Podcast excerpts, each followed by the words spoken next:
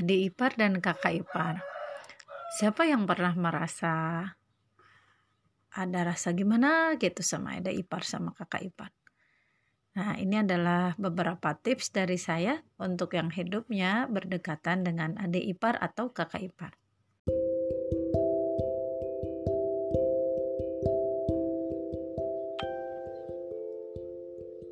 Assalamualaikum warahmatullahi wabarakatuh. Halo sahabat semua, gimana kabarnya di hari ke-23 Ramadan? Semoga semakin semangat, semakin berkah dan juga semakin dekat dengan Allah. Dan akhirnya nanti kita bisa semakin dekat dengan surga. Pada kesempatan pagi hari ini, saya akan menyampaikan podcast saya yang bertema tentang adik ipar ataupun kakak ipar. Ini berasal dari kegelisahan saya ketika membaca postingan-postingan yang ramai dibahas di komunitas bisa menulis yaitu tentang julidan-julidan uh, baik uh, dari adik ipar maupun dari kakak ipar. Ya sahabat semua, memang tidak bisa dipungkiri kita hidup berkeluarga, kemudian menikah, itu tentunya kita akan bertemu dengan orang baru yang tadinya orang asing menjadi keluarga kita. Siapa mereka? Orang tua kita, uh, orang tua dari suami kita dan juga adik ipar kita maupun kakak ipar kita. Tentunya membutuhkan waktu yang cukup untuk beradaptasi. Karena semua tidak bisa serta-merta tentunya. Saya sendiri mengalaminya cukup lumayan menguras hati awalnya ya. Apalagi kami adalah satu keluarga besar di pihak suami itu satu keluarga besar dan memiliki profesi serta garapan yang sama yaitu kami sama-sama mengelola pesantren awalnya kami pindah memang tahun 2012 empat tahun sebelumnya kami merantau dan kemudian kami hidup bersama-sama dengan keluarga besar. Tapi rumahnya masih masing-masing ya. Akhirnya kami mengelola satu lembaga pesantren yang itu ada beberapa posnya. Ada kelembagaan pendidikan di bawahnya itu ada PAUD, ada Diniyah Takmiliyah, ada pesantren itu sendiri dan juga ada SMP, ada MA. Jangan dibayangkan semua berjalan mulus seperti biasanya. Semua butuh proses dan semua butuh kelapangan hati. Rumah kami juga berdekatan. Ada orang tua dari suami saya atau mertua saya itu rumahnya dekat masjid kakak ipar yang pertama juga dekat masjid adik ipar juga dekat masjid. Sementara saya cuma beda dua rumah dari rumah mertua. Kebayangkan dekatnya.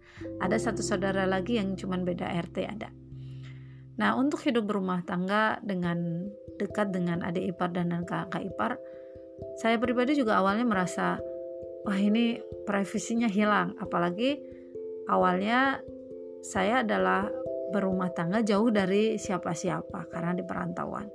Ketika kami udah berpindah, terus kemudian kami bikin rumah sederhana, saung lah ya kalau bahasa orang Sundanya itu. Nah itu kamu mulai berinteraksi dengan mereka, bekerja sama dengan semuanya, dan semua butuh kelapangan hati memang. Ada beberapa tips yang bisa saya sampaikan setelah kami menjalani 8 tahun bersama-sama baik mengelola mengelola lembaga maupun juga bersama-sama dalam bertetangga bersama adik ipar dan kakak ipar.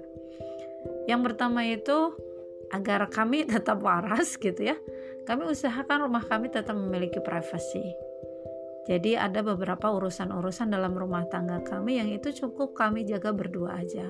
Hal-hal yang penting, masalah-masalah yang penting, itu kami cukup jaga berdua saya dan suami aja. Kalaupun saya butuh konsultasi dengan orang lain, saya akan bertanya ke pihak lain yang di luar dan itu memang tidak mencampuri urusan kami. Tapi memang sekedar konsultasi dan mencari solusi. Itu yang pertama. Jadi tetap kami menjaga ada privasi yang itu tidak diketahui orang lain untuk hal-hal yang sangat penting bagi saya dan bagi suami. Kemudian yang kedua, eh, supaya tidak banyak masalahnya, yaitu kami membicarakan hal-hal yang penting saja dalam kelembagaan atau dalam berinteraksi. Dan memang interaksi kami kalau ketemu akrab, akrab banget. Akrab. Ramai gitu. Tapi pembicaraan kami adalah hal yang penting.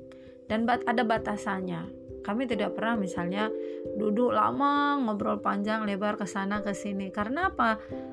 Kalau kami bersama-sama dalam cukup lama maka nanti kami akan merasa eh kok enak sih itu ya? Enak sih ini ya digini enak begini. Nah itu kan membuat kita mengurangi rasa bersyukur. Itulah sebabnya memang walaupun kami berdekatan itu kalau hal yang penting kami datang saling menolong gitu ya. Tapi kalau hal yang kurang penting kami nantikan aja untuk pertemuannya. Begitu untuk ngobrol-ngobrolnya.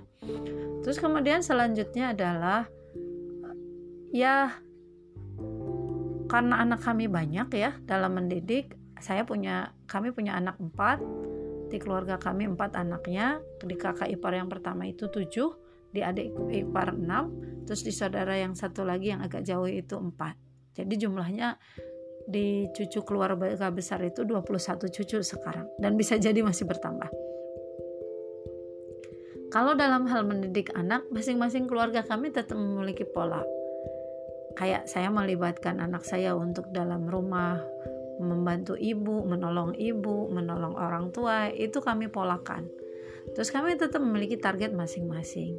Sehingga memang tidak bijak ya kalau kita misalnya membandingkan anak kita dengan anak saudara kita. Nah, itulah beberapa hal. Terus kalau anak kami bertengkar misalnya dengan saudara sepupunya gitu ya. Ya saya tanya baik-baik apa masalahnya, gimana ceritanya, kemudian uh, apa solusi dari saya gitu, itu saya sampaikan. Terus kalau usia mereka sudah yang usia anak kami udah di atas 7 tahun ya kami kami ajak dia untuk berpikir lebih logis, kemudian ikut menganalisa mana yang baik dan mana yang buruk misalnya, mana yang bisa ditiru dan yang enggak. Nah, itu kami coba terapkan ke anak kami mau tidak mau mereka tetap berinteraksi dalam suatu lingkungan keluarga besar mereka karena mereka sering bertemu. Tapi tetap saja bagi saya dan suami harus ada pola gitu. Terus kemudian tips selanjutnya adalah ketika banyak omongan miring misalnya. Ya kami belajar ya untuk mencoba menyadari bahwa kita tidak akan bisa membahagiakan semua orang yang ada di hadapan kita karena kita punya pola, kita punya tujuan. Asal niat kita baik, tujuan kita baik, cara kita baik, kemudian ada orang yang misalnya mencibir, terus nyinyir, atau yang nggak suka, atau yang protes sama kita, hadapi dengan baik-baik. Tidak semua masalah harus bisa dijawab dengan baik. Kadang ada waktunya kami diem, ada waktunya memberikan penjelasan, ada waktunya kami uh, bertanya baik-baik. Nah itu insya Allah semua ada ada polanya. Sehingga ketika kami ada hal yang dibicarakan atau ditanyakan oleh keluarga besar kami, kami jawab aja baik-baik. Itu kalau bisa dijawab. Kalau tidak bisa dijawab, kami diam dulu, merenung dulu apa jawaban paling tepatnya nanti suatu saat kami sampaikan. Dan bahkan ada masalah-masalah memang yang tidak bisa dijawab gitu. Nah, itu tentunya.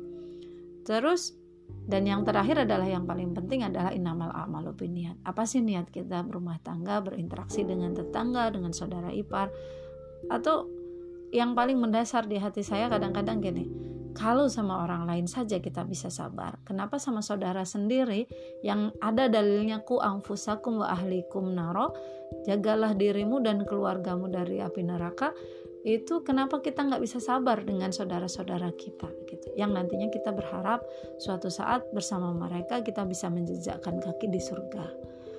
Dan kalaupun ada kekurangan dari mereka ya wajar. Namanya juga manusia. Ada ketidaksempurnaan. Sebagaimana diri saya pribadi juga banyak kekurangan. Ada emosinya ada marahnya ada jengkelnya ada nangisnya ada lebaynya nah itu wajar gitu.